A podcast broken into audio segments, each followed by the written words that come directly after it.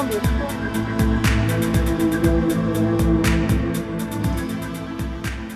Merhabalar, ben İlk 11 programının sunucusu ve bu programdaki hayali takımların teknik direktörü Ozan Yıldırım.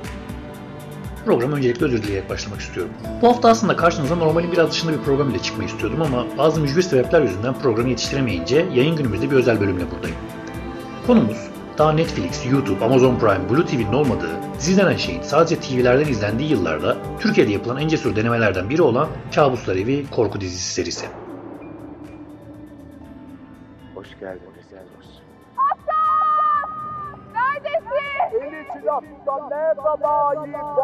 Evet, Çağınırman ismini duymayan yoktur sanırım. Ya belki yönetmen kültürünüz olmayabilir ama yönetmenin çektiği Babam ve Oğlum ya da Issız Adam filmlerinden birini mutlaka izlemişsinizdir. Benim açımdan Türkiye sinemasının 2000'li yıllarının en başarılı ana akım yönetmenlerinden biri olan Çağan Irmak, aynı zamanda gördüğüm en macera perest denemelerinde sahibi.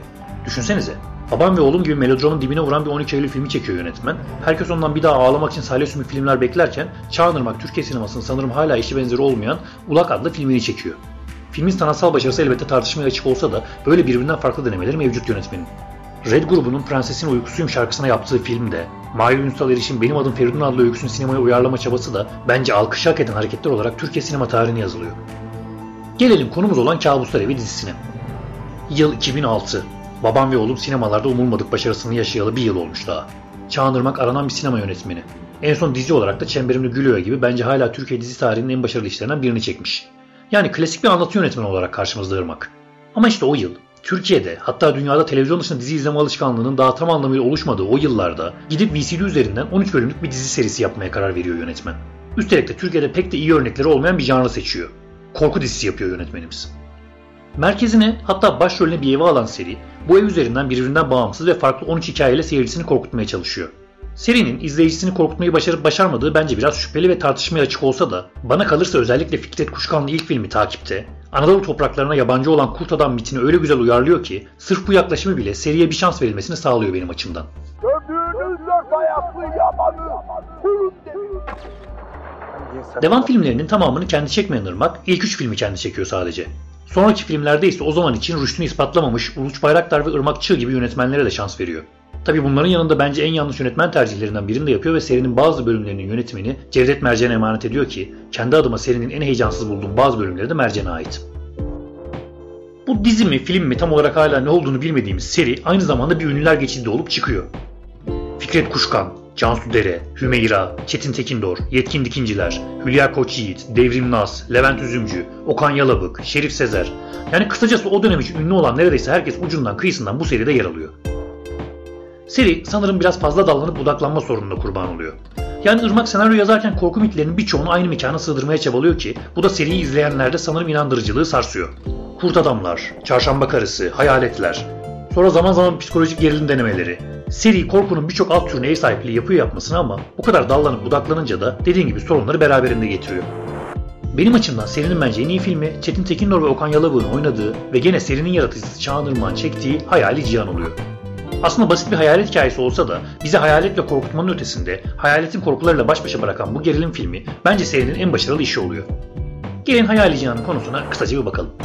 Kabuslar evini kiralayan Cihan'ın bir sabah eve gelişiyle başlıyor hikayemiz. Cihan eve girdiğinde her yeri darmadağınık ve düzensiz buluyor. Eve yerleşiyor yerleşmesine Cihan gene ama evdeki gizemli olaylarda baş göstermeye başlıyor. Kabuslar evindeki ilk gecesi onu evde onun dışında başka birinde yaşadığını düşündürüyor.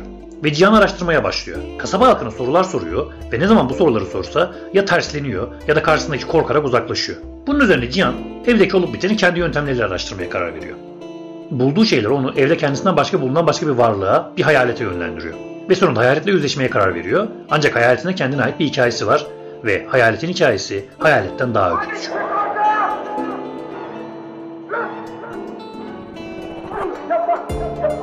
Sevgili misin? Baban kim? Hangi okuldan mezun? Ne iş yapıyor? Gerçek. Seri erken bir deneme olmasının sonucunda VCD'de asla istediği satışı yakalayamıyor ve istediği etki uyandıramıyor. Sonraki dönemlerde televizyon kanallarında gece kuşaklarında gösterilse de elbette orada da izleyicisini bulamıyor. Belki bugün Netflix'te ya da Blue TV'ye yapılmış bir proje olsa hala adını anacağımız Kabuslar Evi bana kalırsa erken doğmanın cezasını sonuna kadar çekiyor ve piyasadan silinip gidiyor.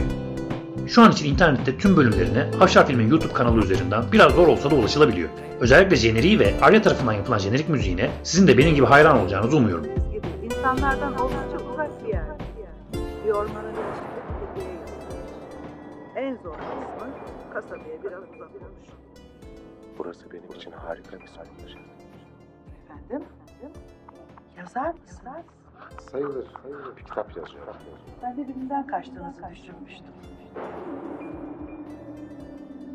Hoş geldiniz Yavuz. Bir sonraki programımızda sizler için Marvel ve DC süper kahraman filmlerinden oluşan 2.11'in maçını sunacağımızı da buradan duyurabilirim. Aslında bir kısmı kaydedilmiş olsa da dediğim gibi bazı mücbir sebepler tamamlamama engel oldu programı. Ama en kısa sürede bu efsanevi kapışmayı da sizlerle buluşturacağım. Bir sonraki programda görüşene dek her nerede hangi filmi ya da dizi izliyorsanız iyi seyirler. Hoşçakalın.